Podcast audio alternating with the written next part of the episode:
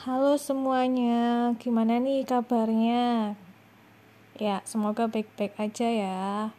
Yuk, kita sharing nih tentang apa sih yang membuat hari ini tuh merasa bahagia? Atau apa yang kamu rasakan hari ini?